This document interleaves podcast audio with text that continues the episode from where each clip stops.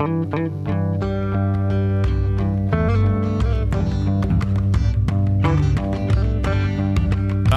warahmatullahi wabarakatuh. Kanca muda, hari ini kita akan membicarakan tentang masalah uh, ada apa yang menjelang puasa ini agak happening ya.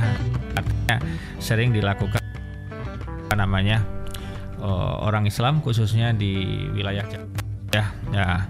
Baik, uh, tema ini adalah yaitu bagaimana Islam memandang yang namanya nyadran ya, kemudian ada patusan dan nanti juga ngapem. Karena fenomena ini sering kali ditanyakan kepada ustadz gitu kan. Nah, ustadz gimana sih kalau hukumnya misalnya eh, kaitan dengan nyadran? Kemudian ada patusan dan kemudian ada ngapem. Nah kita akan bahas satu-satu kancah muda sambil menunggu hostnya yang baru aja datang gitu ya. Oke jadi gini kancah muda. Kalau kita Gimana lihat tua? jadi kalau kita misalnya bicara mengenai masalah menjelang puasa kok kuburan agak penuh ya sekarang gitu kan misalnya seperti itu uh, misalnya ada kuburan gitu penuh orang-orang berziarah adakah tuntunannya sih gitu kan hadisnya ada nggak sih gitu kan atau itu bid'ah nggak sih Ustadz nah itu kan itu sering menjadi pertanyaan Ah, gitu. Ya, silakan gimana Mbak Os? Silakan. Jadi gimana Pak Ustadz? Kalau kalau kayak gitu tuh gimana Pak Ustadz? Karena kan kadang-kadang ya Jok sekarang itu pada hmm. berbondong-bondong ke kuburan. Hmm, hmm, hmm. Doa di sana, kadang-kadang hmm. ada yang ngaji hmm. lama hmm. gitu. Hmm. hmm, hmm. Barengan sama keluarganya, bawa hmm. yasin, bawa macam-macam, ya. tapi di kuburan ngajinya ya, gitu. Oke, okay, baik. Nek ngono-ngono itu Pak Ustadz? Ya, jadi kita lihat dulu nih Mbak, nyadran itu sebetulnya dari mana sih asal muasalnya gitu kan? Kalau nanti kita lihat di googling atau mungkin di beberapa literatur, nyadran itu kaca muda tidak lepas hubungannya dengan pola dakwah para wali gitu kan? Ada wali Songo Mbak Ela, wabil khusus di sini adalah Sunan Kalijogo Mbak Ela yang beliau ini kenal dengan da dai yang sangat apa namanya eh, ramah terhadap kearifan lokal gitu kan jadi kearifan lokal itu artinya masyarakat di situ ngapain? Oh gini, ya dia itu masuknya pelan-pelan gitu Mbak Ella. Jadi dia masuknya misalnya, oh masyarakat sini senangnya di kuburan gini-gini. Nah makanya uh, dia secara kondisi halus itu mengajak orang-orang Islam itu agar ketika mau masuk puasa itu dia ziarah kubur dulu Mbak Ella. Nah kenapa sih Pak Ustadz ziarah kuburnya menjelang puasa? Nah karena orang itu kalau menjelang sesuatu itu kemudian ke kuburan itu biar ingat mati Mbak Ella secara psikis orang yang ingat mati itu ibadahnya insya Allah lebih mantap. Tapi lebih tapi kan bisa kapan aja berarti iya, Pak Ustadz. Iya, betul. Kenapa Ar harus dijadikan hal sebelum puasa? Ya, jadi kenapa? Karena pertama agar orang momentum puasa itu jadikan momentum untuk introspeksi. Oh ini yang sudah meninggal, dia hmm. sudah nggak bisa amal soleh. Aku ini masih punya usia. Waktu. Besok ini mau masuk puasa, di mana ketika puasa membaca satu huruf dilipat gandakan 10, 100 bahkan lebih. Kalau saya membacanya kemudian satu huruf itu 10 dikalikan 10 berarti 100 Udah berapa duit? Aku dapat. Oh kok dapat berapa duit? Atau berapa pahala maksudnya? Poin Mbak Ella aku dapat gitu kan? Okay. Nah jadi luar biasa sekali. Artinya ketika dia mau masuk puasa Mbak Ella itu kemudian uh, dia menjadi lebih semangat karena apa? Alhamdulillah aku masih punya kesempatan. Berarti tarawihku harus bagus uh, ngajiku harus bagus gitu Mbak Ella. Aku hmm. harus zakat fitrah beras terbaik. Aku harus ngasih buka puasa lebih sering misalnya gitu kan. Karena ini orang-orang yang sudah meninggal ini kan tidak bisa apa-apa gitu kan. Aku mau, mau masih hidup gitu. Dan kebanyakan orang kalau udah ingat mati ibadahnya bagus Mbak Ella. Mm-hmm. Ya kalau nggak percaya lihat nih beberapa orang melihat kematian, tahu tentang kematian ini biasanya terus menang, diem, mm-hmm. depis gitu kan. Kemudian dia memperbanyak amal soleh itu normal. Makanya para wali-wali itu inginnya agar kita ini sebelum masuk puasa itu kemudian digiring dulu untuk uh, ziarah itu agar ingat mati. Jadi fungsi ziarah itu ingat mati Mbak Ella. Hmm. Fungsi pertama itu agar zikrul maut itu ziarah.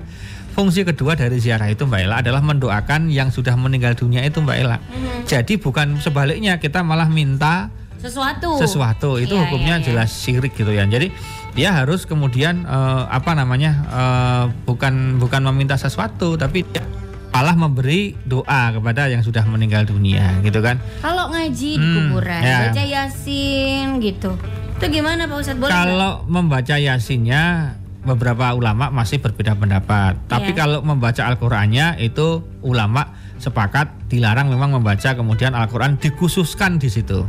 Tapi kalau Yasin dikhususkan ketika membaca di kuburan ya diperbolehkan. Artinya ulama sebagian ulama mengatakan Yasin itu memang apa ya?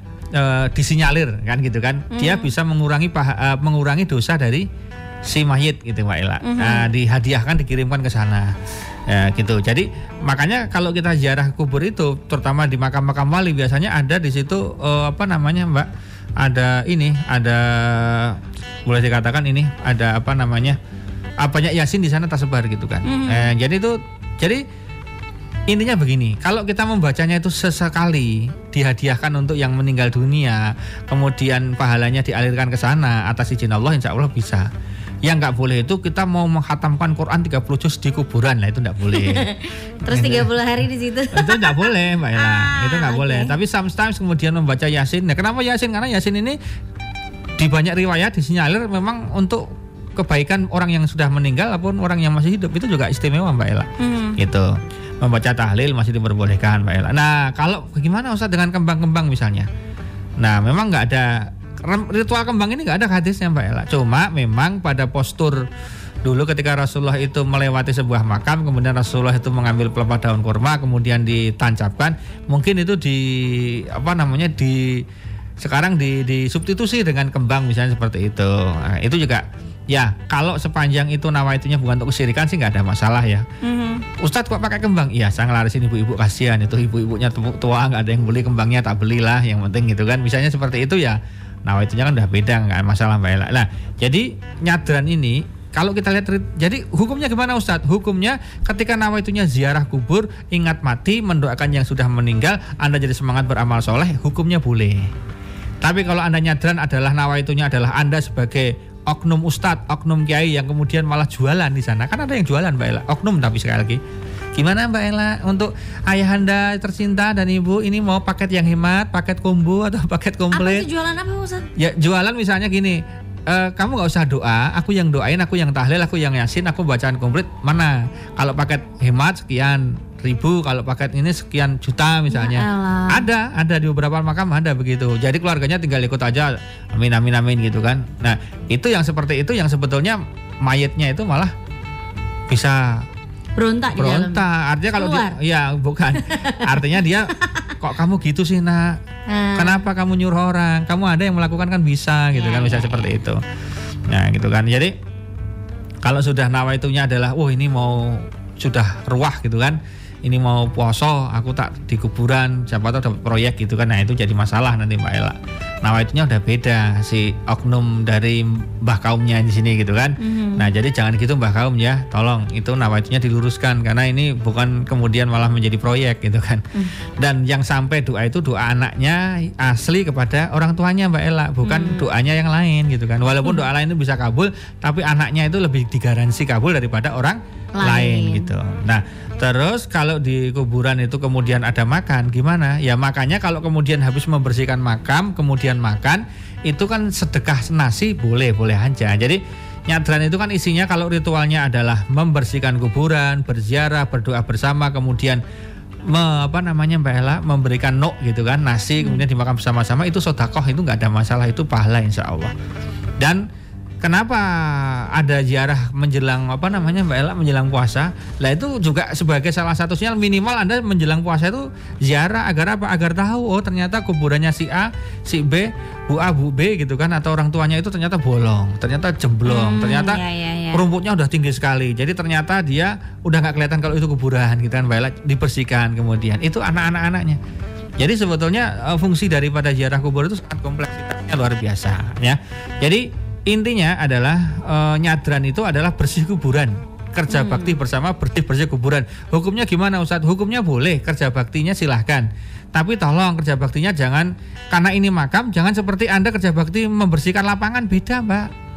Kalau itu makam kan ada penghor- penghormatannya Mbak Ella, ada salamnya, assalamualaikum ya ahlal diyar, assalamualaikum ya ahlal kubur, kemudian masuk, kemudian ya walau itu di situ tuh ada mayitnya gitu kan, maka ya pelan-pelan gitu kan, artinya dibersihkan, artinya jangan jangan sampai kemudian melompat-lompat kuburan, duduk di atas kijing gitu kan Mbak Ella, di pusara duduk-duduk, malah kadang-kadang malah gojek-gojek apa bercandaan ini kuburan, ya sesuaikanlah etikanya ketika di kuburan itu dengan di masjid beda Mbak Ella mana dalam masjid, mana dalam kuburan, mana di lapangan itu sudah beda sekali Mbak Ella. Makanya ketika di kuburan etika tetap jaga walaupun itu kerja bakti Mbak Ella membersihkan. Nah udah bersih, yang paling bagus kita bersih, kemudian masing-masing uh, dipimpin sama seorang apa oh, kaum biasanya atau kiai atau ustadz mendoakan bersama-sama mendoakan para ahli warisnya yang ada di situ yang sudah meninggal kemudian setelah didoakan kemudian berdoa untuk orang yang ada di situ semua mm-hmm. kemudian uh, mereka diminta untuk masing-masing mendatangi kuburannya dari keluarga ahli warisnya masing-masing untuk berdoa sendiri-sendiri. Habis itu kumpul bersama lagi, kemudian makan bersama. Itu sah-sah aja. Hmm. Yang nggak sah makannya di atas kijing, kemudian, oh gimana kabarnya? Oh biar bro. Wah itu namanya. ya. Wah itu itu sudah itu bukan nyadran lagi, itu sudah namanya me menghapus fungsi utama nyadrannya dari para wali-wali songo itu sudah dihapus sama dia. Iya, gitu. jadi sebenarnya nggak apa-apa, tapi sebenarnya urusannya tetap semua semua ibadah dalam Islam itu nawa itunya apa gitu ya? Nawa itu dan caranya. Dan okay. ini konteksnya menjelang puasa loh. Jadi ketika menjelang puasa itu biar orang itu ingat mati. Siapa pun yang ingat mati cenderung kemudian nah enggak usah jauh-jauh lah. Almarhum Freddy Budiman, seorang pengedar narkoba kelas kakap Indonesia yang dihukum mati.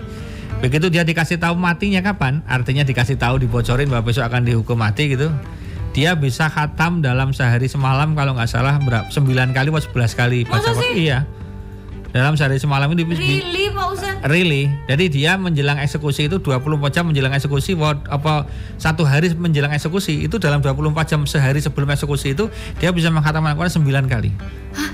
dia nggak istirahat dong iya jadi tunggu dulu 24 dibagi 9 hmm. itu adalah sekitar 2 jam 2 jam?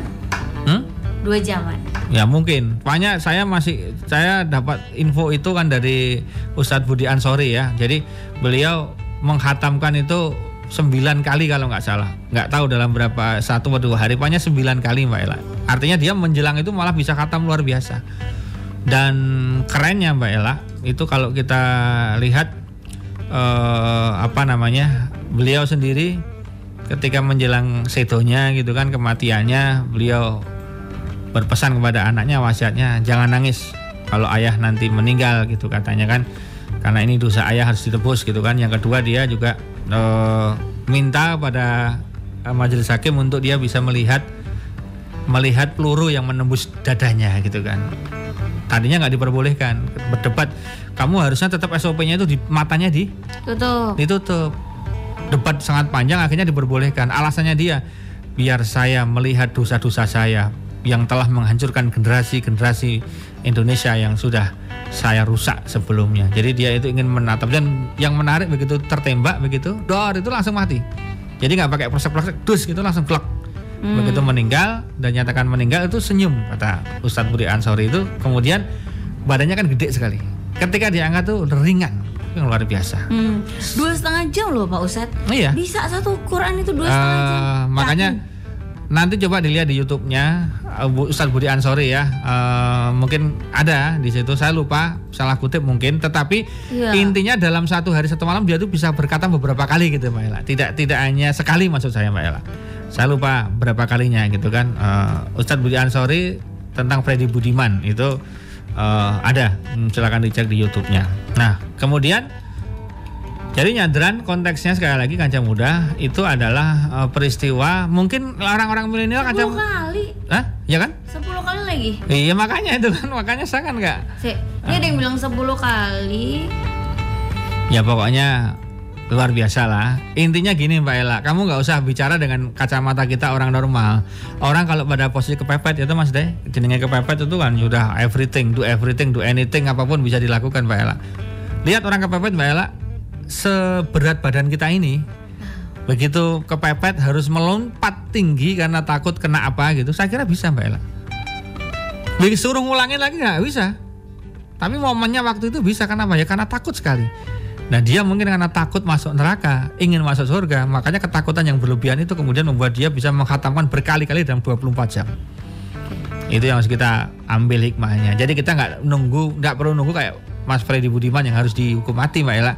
Tetapi cukuplah ziarah kubur orang meninggal menjadi zikrul maut yang kemudian membuat kita lebih takarub ilallah gitu Mbak Ella. Nyadran. Jadi kalau Anda cari hadisnya tidak akan ketemu al nyadranu wa mal nyadranu itu tidak ketemu, tetapi bahwa ritual yang namanya apa namanya uh, tadi ziarah kubur dibalut dengan beberapa hal itu selama tidak melanggar syariat, tidak bertentangan dengan akidah diperbolehkan. Nah, gitu kan. Jadi sepanjang mintanya kepada Allah bukan pada kuburan, sepanjang amalannya amalan yang tidak melanggar syariat, maka itu tidak ada persoalan.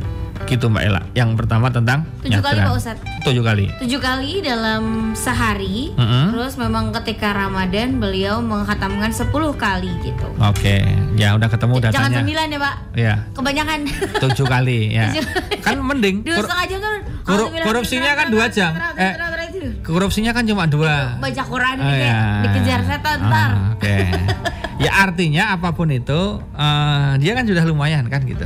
Iya. Ya, jadi bayangkan kalau Mas Freddy aja biasa 24 jam itu tapi tujuh kali. Nah, kita kalau pas puasa itu ngeyel tenan coba baca Quran terus Mas Day bar sahur tekan buko itu tak kira yo iso untuk separuh itu Mbak Ella. Hmm, mungkin bisa. Iya, nggak ke mana-mana loh nggak ke mana-mana apa lagunya mau? Ya mau nggak ke mana-mana. Baca Quran saja gitu kan? Nah itu kan ya. ada tadi kan. Nggak ke mana-mana baca Quran saja maksudnya. Iya, oke iya, iya. itu nyadran. Nyadran ya Pak Ustadz. Oke. Nanti kita ngomongin lagi ritual-ritual menjelang Ramadan ya Pak Ustadz ya. Jadi hmm. nyadran itu nggak apa-apa tapi nawaitunya apa dan caranya gimana itu yang harus benar. Gitu ya Pak Ustadz ya? Oke. Okay. jadi stay tune terus sampai nanti jam 5 sore Kaca Muda Gue Mutia Lorenza, selamat menjalankan ibadah puasa. Stay tune on 106.1 Jeronimo FM, the real sound of Jogja. Love Jogja and you. Jeronimo FM, Jogja!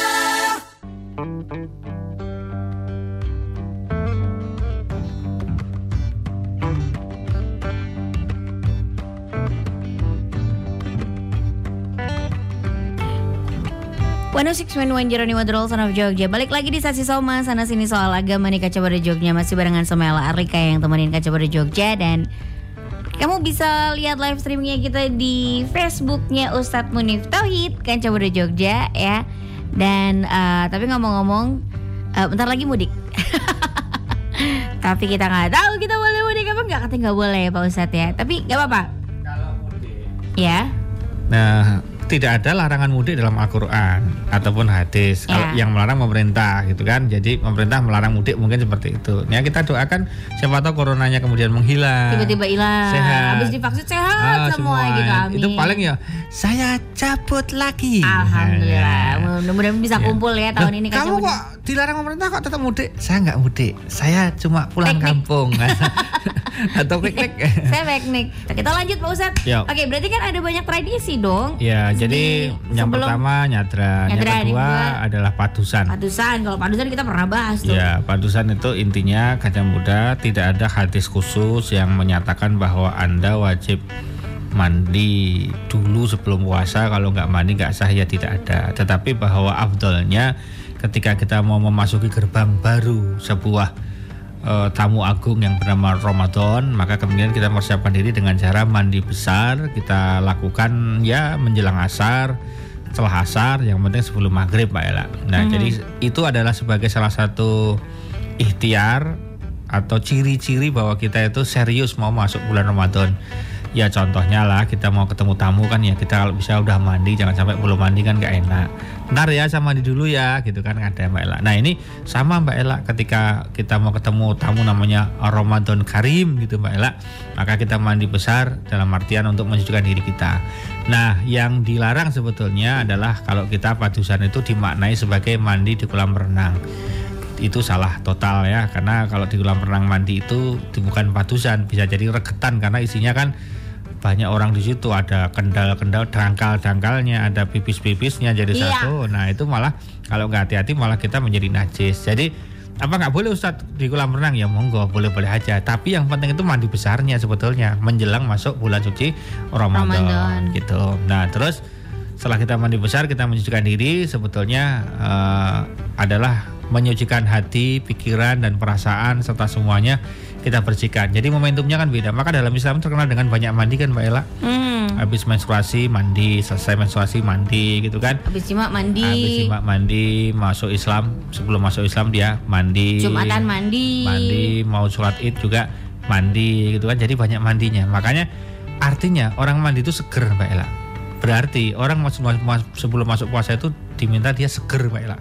Tidak layu, tidak nyekruk gitu kan, tapi dia serius, dia semangat gitu Mbak Ella. Itu jadi patusan itu bahasanya seperti itu ya intinya ulama-ulama menginginkan agar kita sebelum masuk puasa itu ada ready-ready lah. Padusan itu tidak hanya fisiknya Mbak Ella, rumahnya juga dipadusi gitu Mbak Ella. Dibersihkan rumahnya, tempat sholatnya dibersihkan gitu Mbak Ella. Tiker-tikernya, karpet-karpetnya semuanya dibersihkan gitu kan. Ya mukena, kemudian sarung, sajadah itu tolong sekarang dimasukkan ke laundry setelah dari laundry kemudian dikasihkan ke orang saja. Anda beli baru untuk di Ramadan ini gitu ya. Jadi sebetulnya yang sudah lama di laundry kemudian dikasih sotakokan aja Mbak Ella yang untuk masuk puasa yang baru gitu kan hmm. itu harapannya kalau bisa seperti itu jadi biar pembaharuan alat sholatnya setiap menjelang Ramadan, Ramadan. dan sotakohnya juga menjelang Ramadan itu itu juga salah satu hal ikhtiar. Makanya kenapa sih kalau Lebaran ada sarung beredar? Ya kenapa biar itu untuk yang betul itu sebenarnya seharusnya buat untuk sholat id. Sholat itu cuma satu dua jam. Satu dua jam maksudnya dari berangkat sampai pulang kan ya satu sampai dua jam atau satu jam kan. Yang betul ya pakai sarung baru itu ya menjelang puasa ini. Karena begitu di Ramadan kan dipakai terus gitu. Hmm, ya, ya betul, kita itu, betul. itu itu baru betul. Nah jadi padusan itu lebih kepada membersihkan luar dalam diri kita termasuk lingkungan kita termasuk tempat tinggal kita termasuk tempat sholat kita. Jangan sampai uh, kita di rumah uh, apa ya ada ya namanya orang di rumah. Sholat sunnah itu kan di rumah abdul mbak Ella terutama untuk tahajud. Ya kita harus punya mihrab khusus lah. Mihrabnya itu digunakan memang untuk sholat itu sendiri. Ya terserah lah mau di pojok kamar ya boleh di hmm. tempat mana. Tapi tempat itu dijaga, dijaga gitu mbak Ella. Jangan sampai tidur di situ, sholat di situ, ngapa-apa di situ. Jadi malaikatnya nggak bingung ini tempat apa gitu kan. Jadi harus ada yang yang spesial yang berbeda gitu, Mbak Ella. Yang terakhir Apalagi tuh? Kalau nyadran udah. Ya, terus kita yang terakhir itu ada namanya ngapem biasanya Mbak Ella. Nah, ngapem itu apa lagi sih? Ngapem itu kan membuat apem. Karena dibagi-bagikan ke warga sekitar atau apem itu fung, fungsi simbolnya ada bikin kolak, ketan sama apem sebetulnya. Ngapem itu isinya komplit, ada kolak, ada ketan sama apem. apem. Nah, itu diambil dari bahasa Arab sebetulnya. Wali Songo itu ingin mengatakan bahwa kolak itu dari bahasa Arab kolah, katakanlah, mengatakan, say gitu kan. Mm -hmm. Kolak ketan itu dari bahasa kotoan kesalahan ya artinya makanya ketan itu kan bentuknya kecil-kecil tapi banyak kesalahan kita itu kecil tapi banyak, banyak. jadi kak kola ya katakanlah kotoan kesalahan kemudian afun minta maaf jadi kalau kita punya salah kita harus berani minta. mengatakan untuk minta maaf Nah artinya sebelum masuk bulan suci Ramadan kita semuanya saling minta maaf Mbak Ila. Mm-hmm. Ya dengan suami kita, dengan istri kita, dengan anak-anak, dengan tetangga, dengan teman-teman dan sebagainya. Maka meminta maaf ketika Idul Fitri bagus, tetapi hmm. lebih afdol menjelang Ramadan. Kenapa Mbak Ella? Biar nggak ada halangannya Pak Iya, ketika Ramadan itu sudah loss. Termasuk ini catatan penting bagi Anda-anda yang punya utang sama orang. Tolong Anda konfirmasi walaupun belum bisa nyaur itu konfirmasi. Mohon maaf ya Mas, mohon maaf ya Mbak, mm-hmm. Pak, Bu, saya belum bisa melunasin saya minta maaf ini mau masuk Ramadan saya minta dimaafkan segala kesalahan saya tapi saya tetap ingat saya masih punya utang sama panjenengan. Saya di selama Ramadan Bismillah saya akan berdoa kepada Allah Subhanahu Wa Taala agar Allah mudahkan rezeki saya sehingga nanti Insya Allah pasca Ramadan mudah-mudahan saya bisa segera melunasi utang saya. Mm-hmm. itu saya kira walaupun lainnya nyauri ya ya ya itu lebih bagus daripada kita malah mereka diri. Nggak pernah nyapa jalannya ambil yang beda ditelepon nggak pernah ngangkat malah diblokir lagi ini namanya pengutang yang diutangin ini nggak punya etika ini kan gitu. Nah jadi anda anda yang punya duit diutangin kemudian yang yang utang belum lunasin anda kalau ikhlas ikhlas maksudnya bukan tidak menagih ya mbak. Ikhlas ya wis lah tak tunggu. Itu hmm. anda mendapat pahala sebesar daripada yang utang itu. Jadi pahalanya sebesar yang kamu utangkan ke sana itu mbak. Keren kan? Nah jadi minta maaf itu yang afdol malah menjelang Ramadan. Kalau ya. Idul Fitri itu latah Mbak Ella. Semua orang digini aja ya minal izinnya, minal izinnya, minal izinnya, ya, ya, ya, Semuanya udah seakan-akan yus ya, minal. Gitu. Nah, kalau sebelum masuk puasa itu keren memang. Seakan-akan dia mengingatkan mohon maaf ya, ini mau masuk Ramadan, mungkin selama ini saya ada salah. Itu kaya wong arep pamitan metu ke kantor, atau berhenti jadi pejabat gitu kan. Atau mau apa gitu kan. Dia semacam itu kan Mbak Ella. Jadi dia semacam ada ada ada apa ya momennya itu seperti oh ini tenanan iki jaluk ngapura. Gitu loh. Kemudian hikmah dari ngapem ini tadi Mbak Ella sebelum masuk Ramadan kalau mau minta maaf itu jangan lupa minta maafnya bawa apem kolak sama ketan tadi. Itu sanepan. Sebetulnya apem itu kan makanan yang hampir disukai semua orang kan bentuknya kenyal rasanya juga ya manis-manis gurih gitu kan empuk gitu kan.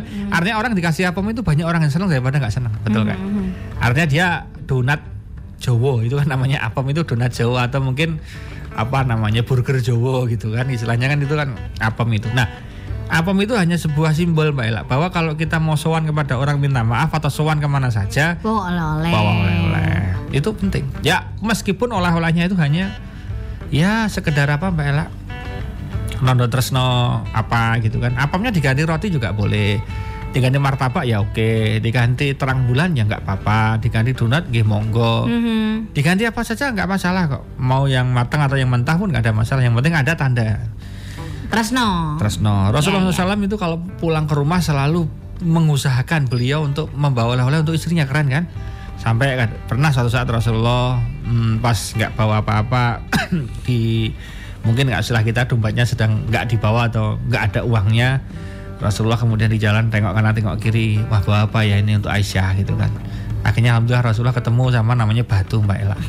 Batunya agak kecil tapi bolong-bolong mirip kayak ka- karang. Jadi kalau kita ada akuarium yang ada karangnya itu kerangnya apa karangnya batu yang bolong-bolong itu. Nah Rasulullah eh, dapat yang kayak gitu. Kemudian batu itu dibersihkan sama jubah Rasulullah. Kemudian kita pulang Assalamualaikum Waalaikumsalam Aisyah. Mohon maaf aku nggak bisa bawa oleh-oleh apa-apa. Tadi di jalan aku ketemu batu yang bagus ini. Masya Allah, Subhanallah, luar biasa matur nuwun ya Rasulullah, batunya luar biasa bagus sekali. Nah, jadi anda harus ikut Rasul, Rasul aja kalau nggak nggak punya apa-apa aja, batu aja dibawa kok. Ya tapi Asik. jangan terus ketemu batu banyak-banyak di bawah ya. Ya, gitu. Artinya Bisa bangun rumah. Iya, kasarannya Anda bawa batu boleh tapi satu dua truk gitu kan ya, untuk pondasi gitu ya.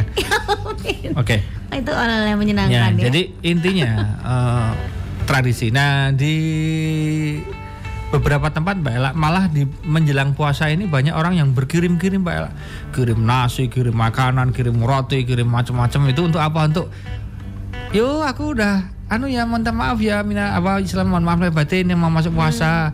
Kemarin ini aku udah kirim anu oh iya makasih sekali. Jadi dia masuk puasa itu seakan-akan seperti eh, recalling. Jadi mengcall ulang saudara-saudaranya mengcall ulang kerabat-kerabatnya gitu loh.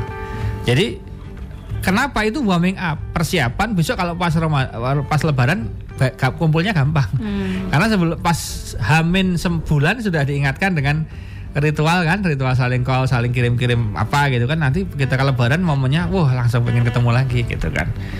Jadi intinya desain-desain acara-acara yang ada di Jawa khususnya itu adalah desain dari para wali songo itu agar orang-orang itu sebelum masuk puasa itu ready tenan, gitu, siap tenan gitu kan. Sebetulnya itu yang diinginkan. Nah, perkara ada bumbu-bumbu yang kemudian dibikin apem dilempar-lempar itu sudah di luar Islam. Artinya tidak diajarkan lah. Mubazir, Nah, itu ya. kan lempar-lemparan apem lah ini dan sebagainya itu sudah bagian dari sia-sia, perbuatan yang sia-sia. Saya tidak mengatakan bid'ah, tapi itu sia-sia gitu kan. Karena ke- kecuali itu dianggap sebagai amal soleh lah itu menjadi bid'ah gitu kan. Tapi kalau itu dianggap sebagai apa budaya lokal, kearifan lokal sebuah tradisi ya monggo saja. Bedakan tradisi dengan agama, Mbak Ella.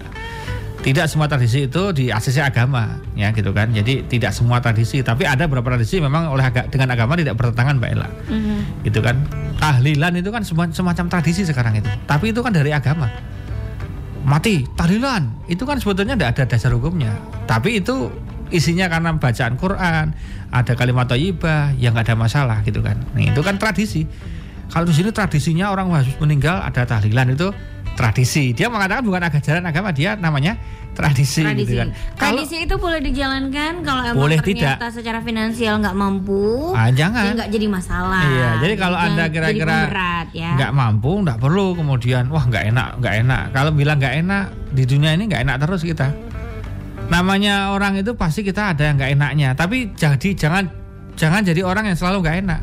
Nanti kalau nggak enak terus, anda malah jadi orang nggak enak terus kan? Hmm. Wah, gimana ya? Eh, aku mau sholat tapi nggak enak ya kalau aku bilang istirahat mau sholat dulu. Ah, nanti kamu jadi orang gitu terus. Hmm. Nggak enak itu ada waktunya. Ada waktunya atau enak nggak enak, gue nggak peduli itu perlu. Itu seperti itu.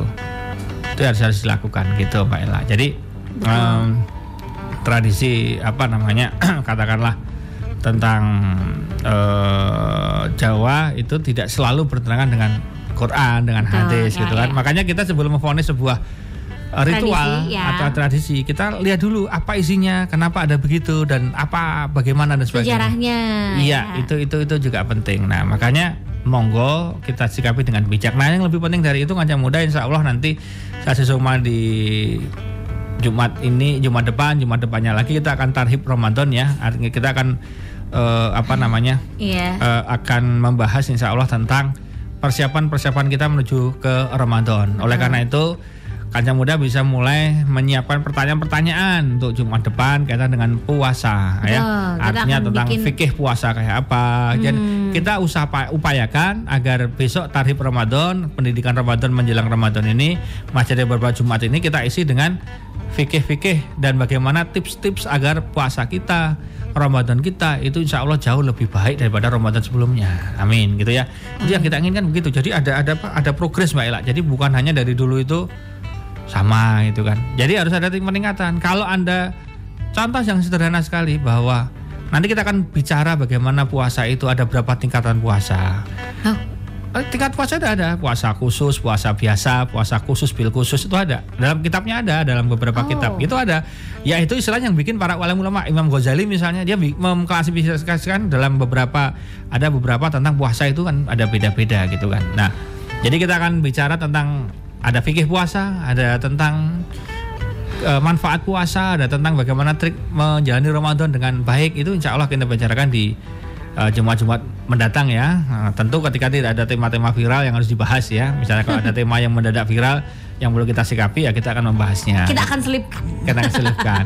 Tapi secara prinsip kita insya Allah sudah menghitung hari ya menuju ke Ramadan. Nah, Betul. insya Allah tidak lama lagi kan muda karena insya Allah 13 April sekarang sudah akhir Maret sudah tanggal 26 hari ini itu kita akan masuk di bulan suci Ramadan. Kita berdoa bersama-sama mudah-mudahan umur kita panjang barokah amin, gitu kan. Amin, amin. Agar umur kita panjang, mudah-mudahan umur kita panjang sehingga kita bisa masuk Ramadan. Nah, nanti ada beberapa tips yang saya sampaikan di di situ. Nah, kembali ke tadi ya ritual-ritual yang lain yang sering dilakukan ada secara umum ada tiga itu, tapi secara spesifik yang lain mungkin ada ada beberapa uh, rangkaian atau mirip-mirip tapi di tempat-tempat lain dengan nama-nama yang berbeda, tapi intinya hampir mirip-mirip semua, ya.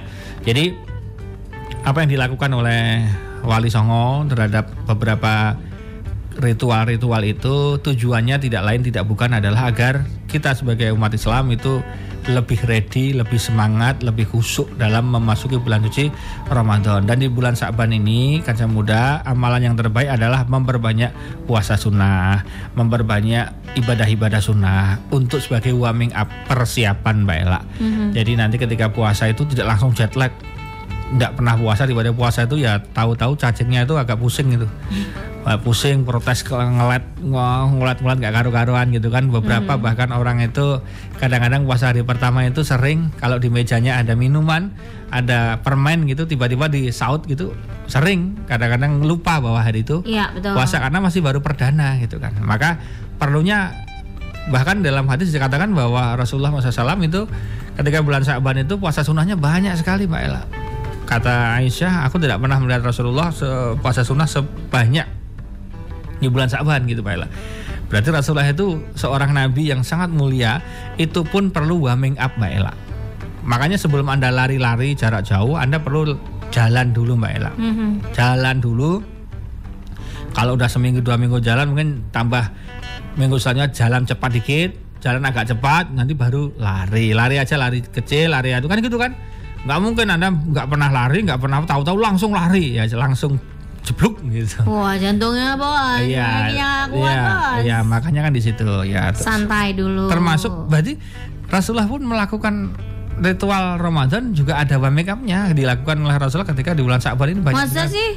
apa Apa Pak Ustad? Ya amalannya Warming up-nya. Ya memangnya puasa sunnah Mbak Ella. Ya Senin Oh, Kemis lah. Ya warming up-nya ya, ya puasa. Kalau puasa ya warming, warming up-nya ya puasa. Puasa sunnah Mbak Ella. Artinya biar pas puasa asli Ramadan Udah tidak siap. udah kaget gitu kan. Tubuh juga udah siap. Ya termasuk Ya, ya. mulai bangun malam sholat tahajud kalau yang nggak biasa cobalah siap-siap untuk tahajud dan mulai habis isya langsung pulang jangan ke mana-mana kemudian kenapa karena besok sudah mulai ready gitu kan. Nah kita berdoa mudah-mudahan nanti pas Ramadan 1442 Hijriah ini kesehatan kita semuanya diberikan oleh Allah agar kita juga sehat menjalani dengan baik dan kita berdoa mudah-mudahan sudah bisa tarweh kembali Amin. buka puasa kembali bersama-sama Amin. sudah bisa melaksanakan amal soleh di masjid di musola di beberapa tempat-tempat meskipun masih dengan pakai protokol kesehatan, Kesehatan. tetapi mudah-mudahan masih sudah boleh ya karena bocorannya dari DMI itu sudah mengatakan bahwa untuk Ramadan itu insya Allah sudah diperbolehkan di masjid cuma masih tetap dengan protokol kesehatan Ya ya Ada. Jumatan aja udah boleh kan ya, Ya, Pak Ustadz. ah, Jadi mudah-mudahan tarawih juga udah boleh. Ya nanti kan sudah mulai kan kalau jumatan udah boleh, nanti tarawih sudah boleh, di masjid sudah boleh. Mudah-mudahan mudik nanti dulu. Sholat idnya juga boleh. ya, Amin, tahun kemarin kan sholat idnya kan banyak yang di rumah. Betul. Nah siapa tahu besok itu boleh tapi dengan terbatas misalnya di kampungnya masing-masing nggak boleh di lapangan tapi tetap boleh tapi di area masing-masing itu kan keren nanti. Jadi satu RT mengadakan per RT mengadakan sendiri-sendiri misalnya. Ya, itu kan sekomplek aja sekomplek gitu, kan. Itu juga boleh. Nah, nanti lama-lama nanti geser geser geser geser geser gitu kan. Nah, kalau masalah mudik sih saya nggak tahu ya. Mungkin tadi dia nggak mudik tapi dia piknik gitu kan. Kita nggak tahu ya. Loh kok kamu sampai sini nak? Eh, eh, Piknik ini- Pak, saya nggak mudik ini Lah, piknik. saya nggak mudik pak. Saya silaturahmi Saya piknik ke kampung halaman, Pak. saya halal bihalal gitu kan. Itu kan yang mudah Oke, gitu ya Pak Ustadz. Oke. Berarti sebenarnya ritual ritual-ritual itu itu, eh, itu ada baiknya, tapi tergantung niatnya, tergantung cara melaksanakannya, Iya, gitu, tergantung menyikapinya, gitu kan coba di iya. Jogja. Jadi juga perlu mencari tahu kenapa ritual-ritual itu dilaksanakan dan akhirnya ada, gitu. Iya, jadi kita oke. tahu dasarnya dan ketika menjalankannya tuh niatnya juga jadi benar, gitu Iya, Pak Ustadz. mm, mm, mm. Oke, terima kasih Pak Ustadz. yuk Jadi kan coba di Jogja kalau misalnya uh, sekarang lihat live streamingnya mau lihat live streaming lagi bisa tetap masih ada di Facebooknya Pak Ustadz di Ustadz Munif Tauhid gitu ya mau lihat dari awal sampai akhir bisa atau kalau cuma pengen denger aja di Sambi uh, naik mobil gitu di Sambi di rumah gitu di Sambi ngapain gitu coba buka podcastnya Sasi Soma nah ada deh itu tema hari ini adalah ngomongin soal sesuatu yang kita lakukan sebelum di bulan puasa gitu. Kita ketemu lagi minggu depan nih Kaca Baru Jogja eh, s- dua minggu sebelum menjelang puasa kita ketemu lagi minggu depan di Sasi Soma sana sini soal agama masih jam 4 sampai dengan jam 5 sore. Assalamualaikum warahmatullahi wabarakatuh. Salam. Love Jogja in you and bye bye